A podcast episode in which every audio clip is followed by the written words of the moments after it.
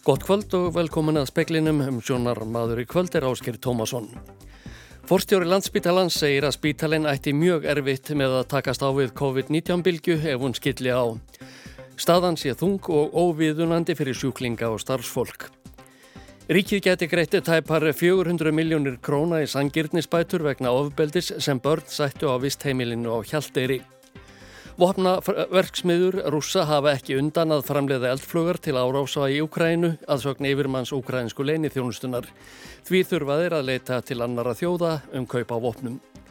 Bæjar yfirvöld á Akureyri ætlað ítrekka þá kröfu sín að blöndulína þrjú verði lögði jörð um bæjarlandið. Landsnett telur það ekki mögulegt. Víða í eldri hluta Reykjavíkur hafa myndast laung og hættuleg grílukerti sem geta valdið skada hrapiðu niður. Eigendur bera ábyrða á að láta fjarlæga þau. Rússar skuttu í dag tugum eldflög á skottmörk við svegar um Úkrænu. Skemdir urðu á rafkerfi landsins, meðal annars varð borginni Lviv eh, að mestur rafmaslaus. Karl Garðarsson, fyrfirandi alþingismadur, er stattur í Lviv. Hann segir að loftvarnarflautur hafi verið þeittar nokkrum sinnum í morgun. Síðan í kjölfari fóru að heyrast í, í sprengingum, svona komið nokkuð öll, það gerist bara svona 30 sekundum einni mínútu. Það komum mjög stórar 5-6 sprengingar e, sem er heyrði alveg voru hérna bara yfir borginni. Nánar verður rætt við Karl Garðarsson í fréttum sjónvarpsins í kvöld. Rúsnæski herin skauti niður dróna í dag nálagt Engels herstöðinni í Saratov héradi 5-600 km norðaustur af ukrainsku landamærunum. Þetta er í þriðja sinn í mánuðinum sem drónar eru skotnir niður nálagt herstöðinni. Þrýr herrmenn letu lífið á annan í jólum þegar brakur einum þeirra fjall á þá. Ráðamenn í Moskvu segja að Úkrænumenn hafi sendt drónana til árása á herstöðina. Stjórnvöldi kænugarði segja að í henni séu herrflúvilar sem notaðar séu til árása í Úkrænu. Við fjöllum nánar um Úkrænustríðið síðar í speiklinum. Fólk sem varð fyrir ofbeldi á vistheimilin og hjaldeyri á barnsaldri á 8. áratug síðustu aldar fær sangirnisbætur ef frumvarp dómsmálar á þeirra eh, sem, eh, afsakið sem frumvarp sem dómsmálar á þeirra hefur kynnt verður að lögum. Frumvarpið fylgir í kjölfar skýrslu sem starfsópur á vegum Jóns Gunnarssonar dómsmálar á þeirra tók saman. Í henni er fjallaðum illa meðferð og ofbeldi sem börnurðu fyrir á vistheimilun og hjaldeyri í Arnænesreppi árið 1972 til 1979. Ráðist var í útæktina eftir að stöð 2 og fleiri fjölmiðlar fjöldluðum frásagnir fólks sem dvaldi á vistheimilunu á barsaldri. Í frumvarpinu er mæl fyrir að þau sem urðu fyrir ofbeldi fyrir hartnær 5 áratugum geti sótt um bætur. Um 80 börn völd á hjaldeyri. Bætur þeirra getur numið 390 miljónum krón í allt, tæpri halveri miljón króna á hvern einstaklingað meðaltali. Ráðist var í rannsókn á starfsemi vistheimila og síða stopnarna fyrir föllu börn eftir að djefaf rúf og fleiri fjölmiðlar hófu umfjöllunum illan aðbúnað barna og ofbeldu sem þau urðu fyrir í janúar árið 2007. Síðan þá hefur Íslenska ríki greitt 1220 einstaklingum um 3,7 miljardar króni sangirnisbætur vegna meðferða sem þeir urðu fyrir á 11 vistheimilum og 7 stopnunum fyrir fölluð börn. Í byrjun mánar lagði Katrin Jakobsdóttir forsættisar á þeirra fram til kynningar, draugað frumvarpið að heildar lögum um sangirnisbætur. Sangan því eiga einstaklingar rétt á sangirnisbótum hafi þeir orði fyrir varanlegum skada vegna aðtapna eða aðtapna leysi stjórnvalda sem þeir fá ekki bætt með öðrum hætti. Með því frumvarfi á að hverfa frá umfangsmiklum og tímafregum rannsóknum sem forsendu fyrir greiðslu sangirnisbóta. Þessi stað á að leysa einstök mál með almennum hætti. Brynjólfur Þór Guðmundsson sagði frá. Bæjar yfirvöld á Akureyri ætlaði ítrekka þá kröfu sína við landsnett að blöndulína þrjú verði lögð í jarðstrengum bæjarlandið. Loftlína skerði möguleika bæjarins á nýjum byggingasvæðum. Landsnett telur jarðstreng ekki mögulegan á þessum stað. Áformað er að blöndu lína þrjú frá blönduvirkjun til Akureyrar liggi um kreklinga hlýð utan bæjarins og endi í spennuvirki við Rángarvelli á Akureyri. Aðalvalkostu landsnett er loftlína um þetta svæði sem lægi um 500 metra frá næstu íbúðurhúsum í efstu hverfum Akureyrar. Við í bæjarstofn hefum svona haft áhyggjur af því að línulagn í lofti rýri uppbyggingamöguleika okkar í bæjarlandinu. Þannig að við hefum svona verið að fara fram á að fyrsti kaplinn frá Rangavöllum, svona 1,5-2 km, fari í jörði. segir Hallabjörg Reynistóttir formaði bæjaráðs. Rök landsnæts fyrir loftlínu er ákvarðunum að leggja Dalvíkulínu í jarstreng, ríflega 40 km millir Dalvíkur og Akureyrar. Við það sé ekki teknilega mögulegt að blöndulína fari einni í jarstreng um bæjarland Akureyrabæjar. Halla segir að bæjareyfuvöld hafaði kallað eftir frekari skýringum á þessu hjá landsneti. Þetta sé spurningum forgangsröðun og allri leið blöndulínu og þar sem Akureyri sé eina þjættbili sem línan fari um sé forgangsefni að hún fari þær í jörðu. Og þetta samtal heldur bara áfram, höfum vonaði að eiga fund með þeim núna 5. janúar og svo stendur til að landsnett komi hérna norður og kynni sín áformu miðjan. Og það séu fordami fyrir því að áformum háspennunlinju lofti hafi breyst þegar Hólasandslína 3 var lögði jarstreng um bæjarlandið og akkurir á síðasta ári. Og við erum auðvitað að gera okkur vonir um það í þessu tilfelli líka. Þetta var Hallabjörg Reynistóttir, Ágúst Ólafsson talaði við þannig. Grílukertum fer fjölgandi viðast hvar á landinu þessa dagana og mörg þeirra hafa náð mikillir lengt. Þau geta valdið alvarlegum slísum á fólki hrapiðu til jarðar. Mikið hefur verið að gera í dag og gær hjá gardaþjónustu og gluggaþvotafyrirtækjum sem taka að sér að fjarlæga kertin. Dæmir um grílukerti sem eru vel á annan metra. Ástandið er að sög lauruglunar vest í miðborginni og í vesturbænum í Reykjavík. Sennilega er það vegna þess að þar eru húsin verð einangruð, sérstaklega þökin. Varmin af húsheitun bræðir snjóin sem likur næst hústökunum og vatnið seittlar niður af þeim en frísu á leðsinni niður. Sigurjón Örd Stengrimsson rekur gardaþjónustu Sigurjóns.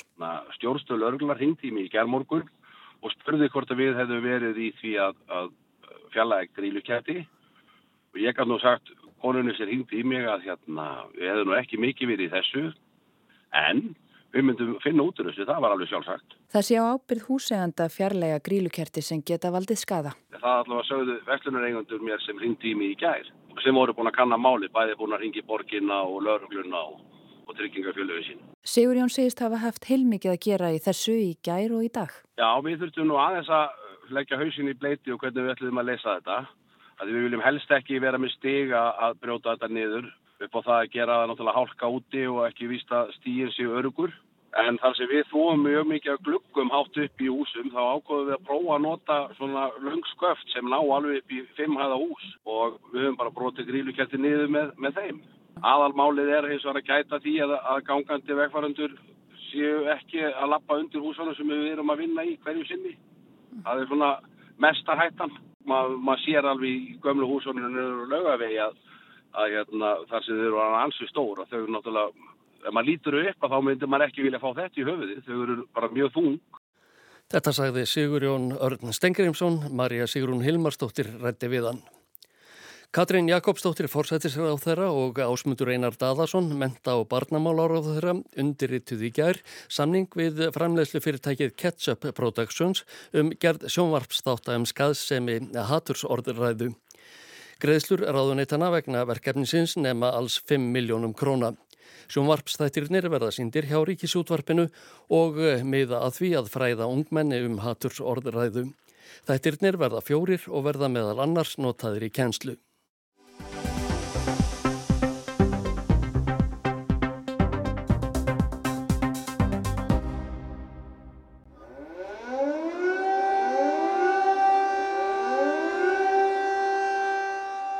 Loftvarnaflautur voru þeittar víða um Úkrænu í morgun að staðartíma þegar rússar skutu eldflögum og sendu árásardróna á skotmörk víða um landið. Ráðgjafi Volodymyr Selenskis forsetta sagði að yfir 120 árásum hefði verið beint að lífæðum samfélagsins. Talsmaður hersins dró síðar í land og sagði að 69 árásir hefði verið gerðar á 5 klukkustundum eða svo. Gagnflögar úkrænska hersins hefðu náðað granda 54. Sprengingar kváðu við við svegar um Úkrænu frá borginni Livivi í vestri, Karkív í austri og Ódessa í suðurhlutanum. Að sögn stjórnvalda beindust árásirnar fyrst og fremst að almennum borgurum og við hvæmum innviðum. Víða var tilkynnt um rafmagsleysi. Til dæmis eru nýju tíundu hlutar Liviv sagðir vera án rafmags. Í höfðuborginni kænugarði skemmtust tvö íbúðarhús sem urðu fyrir braki úr eldflögum sem voru skotnar niður. Trent var flutt á sjúkrahús þar á meðal 14 ára stúlka. Árásirnar í nótt og í morgun eru sagðir vera einar þær hörðustu frá því að innrásin hófst. Frettamenn telja að þær kunni að vera svar rúsa við lovorði bandaríkjamanna um að Ukrænumenn fáu af næstunni sendar Patriot loftvarnaflögar þær háþróuðustu sem er í bóði á Vesturlöndum.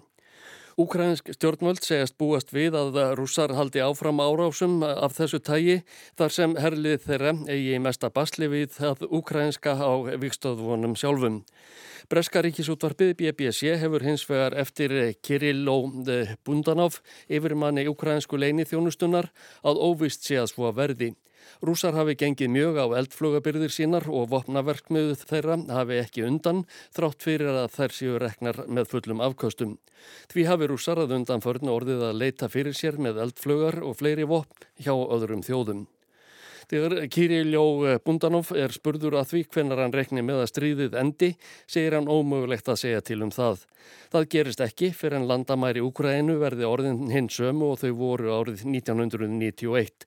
Krimska eins og órjúvanlegur hluti landsins. Krimtse nevidjemna tjastina territori Úkræni. Skæ, frétta sjónvarpstöðin Breska fór í dag yfir helstu tíðindin á alþjóða vettvangi á árinu þar sem innrásinn í Úkræninu var að sjálfsögðu í aðal hlutverki. Dominik Walkhorn sem sinnir þar erlendum málefnum fór þar yfir gangmála, myndastriðsklæpi á báðabóa og ófarir rúsa sem hann taldi að Latimir Putin fórseti og aðri ráðamenn í Kreml hefðu engan veginn séð fyrir. Walkhorn var beðinum að spá fyrir um gangmála í Ukrænu og næsta ári. Hann sagði það ómögulegt, enginn hefði um síðustu áramót getað séð fyrir helstu atbyrði þessa árs, svo sem í Íran, Kína og Ukrænu. Bestu möguleikar Pútins til að tapa ekki stríðinu eru að sundra samstöðu Evrópuríkja, sagði Vokorn. Veturinn verður erfiður í Úkrænu og einnig í öðrum Evrópuríkjum. Samstæðin í Evrópu er þegar undir afar miklum þrýstingi.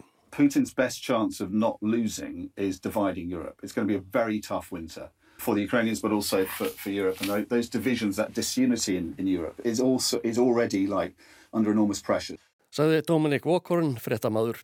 Volodymyr Selenski fórseti sagði í gerðkvöldi sínu daglega sjónvarps ávarpi til þjóðarinnar að dagurinn hefði farið í að lita yfir helstu tíðindi ársins og leggja línurnar fyrir það næsta með ennbættismönnum í höfuðborginni Kænugarði.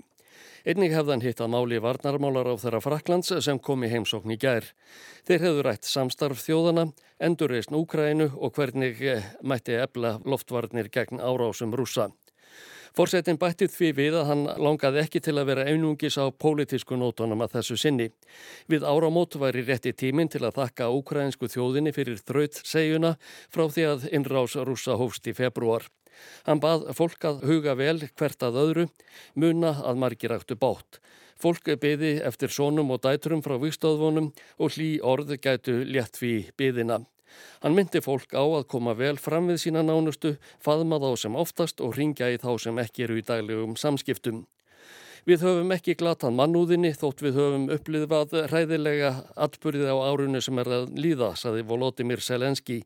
Það eru erfiðir tímar framundan en við höfum eftir að sigra og við gerum það saman. Gætum að Úkrænu, komum vel fram hvert við annað og stiðjum við hermennin okkar. Fram til Sigurs, dýrð sé ukrainsku þjóðinni, dýrð sé Ukraínu. Slava úsím našim ljudjum. Slava Ukraínu.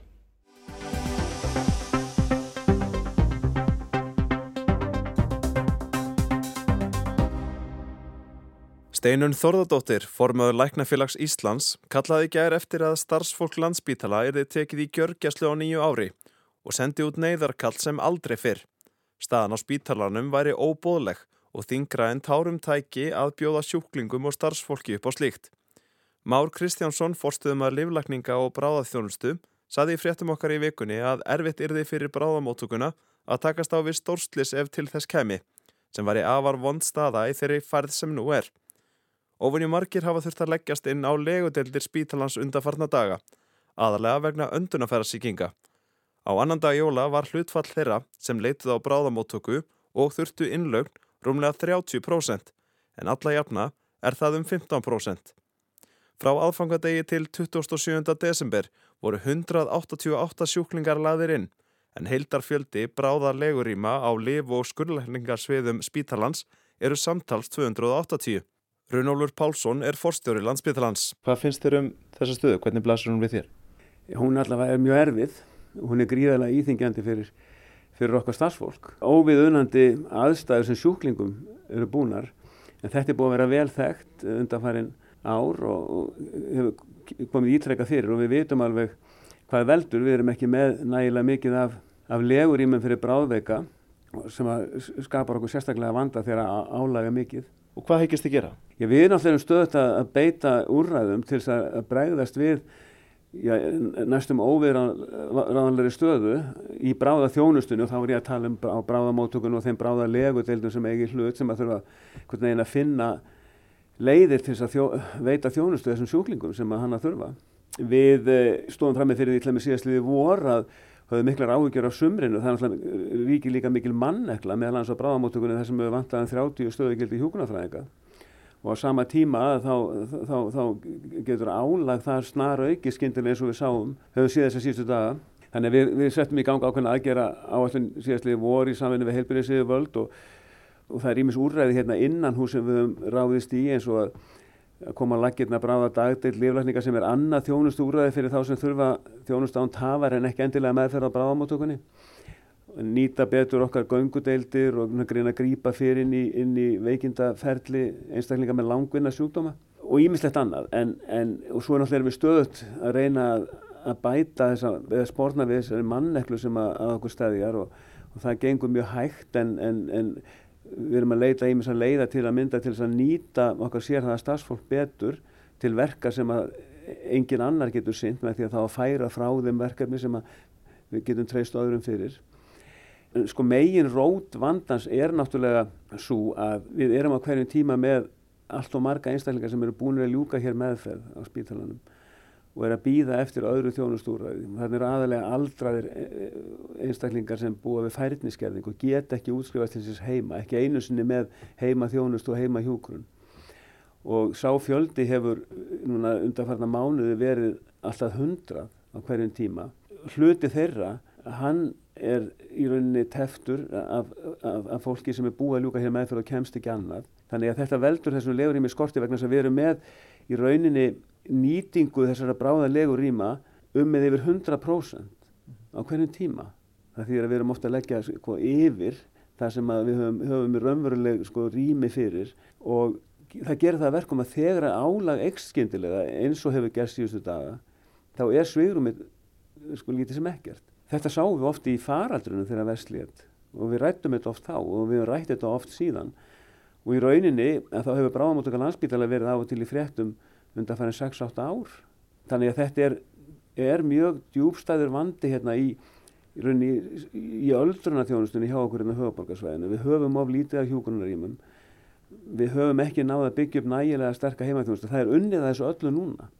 Það er reyndar ekki verið að byggja hjúkunarími sem stendur en það er verið að leita annar að leiða.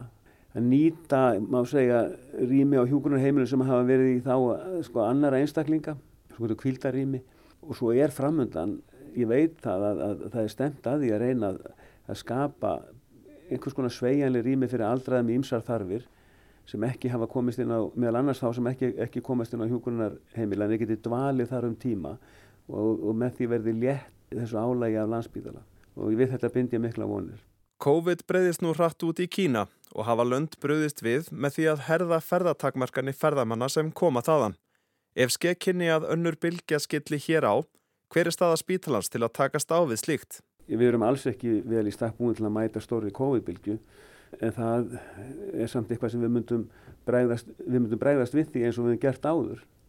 Ég hef ekki svo miklar ágjör að því að komi stór bylgja þó að, þó að það sé eiga sér stað í Kína. Ég menna kínverðir hafa, í raun og verið gegnum allan faraldurinn beitt miklum samfélagstakmarkunum Þannig að mér finnst líklegt að það sem sé að gerast þar í dag sé sko hliðstætt því sem átti sér stað hér þegar við afléttum öllum takmarkunum í mars eða april síðastlinum. Þá skall á landsbítala í raun og veru mikill þungi vegna þess að það var svo útbreytt smitt í samfélaginu. En vegna hinnar góðu bólusetningastöðu sem var í Ísliku samfélagi þá var lítið um alvarleg veikindi. En það sem er að gerast núna er að og það hefur verið í gegnum árin á þessum ástíma að það eru bara ymsar veirusýningar, ekki síst influensa mm -hmm. sem er að herja á landan og er útbreytt í samfélaginu og þeir, þá, það sem gerist þá er að aldraðir og aðrir svona viðkvæmir hópar að þeir geta veikst alvarlega mm -hmm. af þessum veirusýningum og þurfa þá innlagnar við á landsbítalan. En er þessi þunga staða á þjóðarsjúkrási landsins, landsbítala, boðlegað mati Rönnóls? Nei, ég er alveg saman á því að, að sko, við náttúrulega höfum verið að berjast fyrir úrbótum hvað þetta snertir. Það tekur tíma að koma þeim í kring. Við höfum lagt náttúrulega mikið, það hefur verið okkar haldreipi er uppbygging nýs landsbítala en það, svo byggingaframkvæmt hefur tekið mjög langan tíma og, og við, það eru allir nokkur ári ennþá þangað til að þessar nýju bygginga vera teknar í nokkun. Við þurfum að leysa málið í rauninni strax og það er allt kapp lagt á það. En ég, ég, ég skil mjög vel yfirlýsingar starfsfólks og, og, og líka fósfarsmanna stjættafélaga, helbyrðistarsmanna vegna þess að þetta eru aðstæður sem við viljum ekki að okkar starfsfólk búi við en við höfum bara ekki mannað að velja. Við setjum auðvitað í forgang að veita sjúklingu og þjónustu og það verður að segjast að starfsfólk hefur staðis alveg framhúsgarði vel í, í því hlutverki við mjög erfiðar aðstæður og það má eiginlega segja að framlag starfsfólksins sem er haldið okkur á floti undanfærin áru og gerir það enn. En eh, við, við tökum alvarlega þessi orð og við vitum það að það er komið gríðarlega þreita í starfsfólk. Þetta, lang, þetta ástandi er orðið svo langdreið og við höfum mist tölversta starfsfólki vegna þess að aðstæður eru svona ófullnægjandi og, og mörguleiti ekki báðlegar á nútímanlegu þjóðasjúkur á þessi en við verðum að þrauka, það er ekkit um annað að ræða.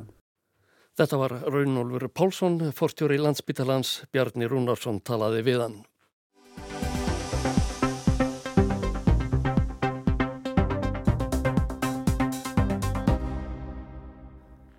Flótti og síðan dauði fjögur að simpansa úr fruruvíkur dýragarðinu með Svíþjóð er ennungis síðasta tilvikið í röð atvika í dýragorðum landsins sem sum hafa reynst bannvæn fyrir dýr og stundum menn.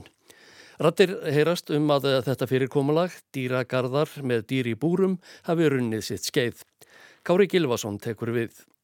Simpansar eru klárar skeppnur og miðugudaginn 14. desember sáu simpansarnir í Furuvíkurdýragarðinum næri Jefle í norður Svíþjóð sér leika á borði. Þeir komust einhvern veginn út úr búrum sínum og heldu því næst út úr apahúsinu og út í snjóin. Starfsmenn dýragarsins lokuðu sig inni í öryggiskinni og fjöldi lauruglumanna mætti á staðin. Þegar fréttamenn mætti á svæðið til að fylgjast með leitinni öskraði lauruglan á þá að koma sér aftur inn í bílinn og loka öllum gluggum og hafa sér á brott. Svæðið væri ekki örugt. Skrek åt oss att sätt er i bilen, stäng dörren, åk härifrån, det är inte en säker plats. Simpansarnir sem voru lausir í dýrakarðinum fundust síðar með hjálp dróna. Einn þeirra snýri aftur í apahúsið en tveir voru skotnir til bana. Félagi þeirra, sem var laus í apahúsinu, var skotinn þegar hann reyndi að komast út um glugga og fymti apinn særðist og lá lengi á gólfi apahúsins á meðan starfsmenn reyndu að koma þeim tveimur öpum sem eftir voru afturinn í búr og ná þannig stjórn á aðstæðum. Það tók sinn tíma og ekki fyrir ná laugardagskvöld sem dýrahyrðar treystu sér til að fara inn í húsið og hlúa að sárum simpansans sem særður var. Simpansen sem særðist hafið þó leið særður á gólfi apahúsins í um tvo sólarhinga. Simpansarnir sem eftir voru hafðu lítið borðað og voru orðnir afar soltnir og kaldir, auk þess sem þeir hafðu auðvitað orðið vitni að dauða félaga sinna. Fått information och kunnat bekräfta att de två schimpanser som vi var tvungna att avliva ute i parken tyvärr är eh, Linda och Torsten. Fjórir af simpansönum í Furuvík eru nú dauðir. Linda, Torstein, Santino og Manda. Stjórnendur dýragarðsins hafa sætt harðri gaggríni eftir uppákomuna en það bendir flest til þess að öryggismál hafi verið í ólægi og viðbröð við atvikum eins og flóta simpansana ekki verið æfð í að minnstakosti fjögur ár. Þá hefur verið lögð fram kæra á hendur dýragarðinum fyrir að stopna almenningi í hættu, auk þess sem dýravendunarsamtök og fyrirverandi starfsmenn dýragarðsins hafa farið hörðum orðum um framgöngu stjórnenda dýragarðsins. Flótar úr sænskum dýragörðum hafa verið nokkuð tíðir undan farin misseri og alvarleg slís ekki óalgeng heldur. Skamt er að minnast kóbraslöngunar, einnar eitruðustu slöngutegundar í heimi sem slapp úr búri sínu í dýra og skemmtikarðinum Skansinum í Stokkólmi í haust. Slangan, sem er rúmir tveir metrar á lengt og stór hættuleg, var laus í rúma viku þar til hún snýri aftur af sjálfstáðum. Nokkru síðar sluppu tvær uglur frá skansen eftir að gerðing þeirra hafði látið undan snjóþingslum. Þær tókst að fanga aftur. Þá hafa dýrakarstarfsmenn og fleiri þurft að eldast við villisvínagildum og gríslinga hennar sem slapp á skáni og jarfa sem tókst að flýja úr haldi í bóhúsleni. En alvarleg slis hafa líka orðið. Fyrir þremur árum misti maður nokkur handleikin í ginn krokodils. Hann hafi verið í veistlu í sætýrasafni Skansens í Stokkólmi og stóð upp á stein við krokodilabúrið og ætlaði að syngja. En þegar hann lifti hendinni upp og yfir glerið náði krokodil að stökka upp og grýpa í hana. Þá hafa dýragarðstarfsmenn lifað af árásir órangútans og tíkristýrs og nokkrir látið lífið. 2012 réðust átta úlvar á dýrahyrði í Kolmærden dýragarðinum sem lést af sárum sínum. Yfirmaður dýrahyrðisins fekk skilórsbundin dóm fyrir að verða valdur að dauða annars manns. Árið 2017 létt átján ára saumarstarfsmaður lífið eftir að Björn réðist á hann í Orsa dýragarðinum. Yfirmaður þessi látna fekk sömuleiðis skilórsbundin dóm.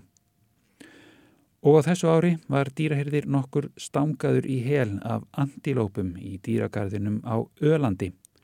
Madurinn sem lést var 58 ára farandverkamadur frá Rúmeníu sem talaði bara rúmensku og hafði enga reynslu af því að vinna með dýr.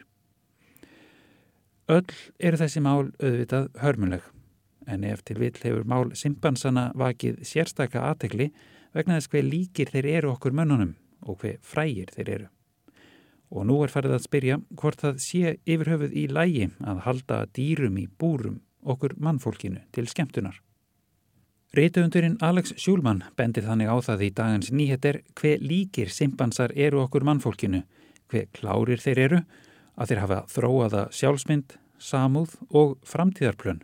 Þetta síðastnemda hafi meðal annars verið sínt fram á með rannsóknum á Santino einum af simpönsunum sem letu lífið í föruvíkum miðjan jólamánuðin. Í búri sínu í dýragarðinum hafi Santino stunda það að sapna steinum. Hann hafi falið steinana undir hálmi með framtíðina í huga. Og hver var hinn vel útugsaða áallun Santinos? Jú, að kasta steinunum í manneskjur sem kæmu of nærri, skrifar Sjúlmann. Hvað segir það okkur um hvernig simpönsum líður á bakvið rimla?